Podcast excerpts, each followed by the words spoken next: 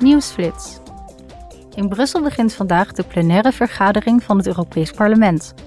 De parlementsleden bereiden zich voor op de buitengewone bijeenkomst van de Europese Raad, die later deze maand zal plaatsvinden.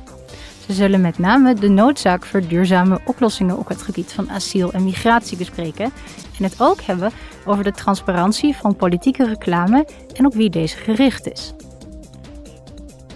De parlementsleden zullen de situatie in Afghanistan onder de loep nemen in een debat met Josep Borrell, hoofd buitenlandbeleid van de EU. Tijdens het debat zal het vooral gaan over de levensomstandigheden van vrouwen die van hun fundamentele mensenrechten zijn beroofd en voortdurend met geweld worden bedreigd. Gisteren hebben de Commissie Buitenlandse Zaken en de Subcommissie Veiligheid en Defensie van het Europees Parlement de oorlog in Oekraïne besproken. De parlementsleden hielden een gedachtenwisseling over hun voorstellen voor meer militaire en financiële hulp aan Kiev, samen met Andriy Yermak, kabinetsvoorzitter van de Oekraïense president, en Anders Fogh Rasmussen, voormalig secretaris-generaal van de NAVO.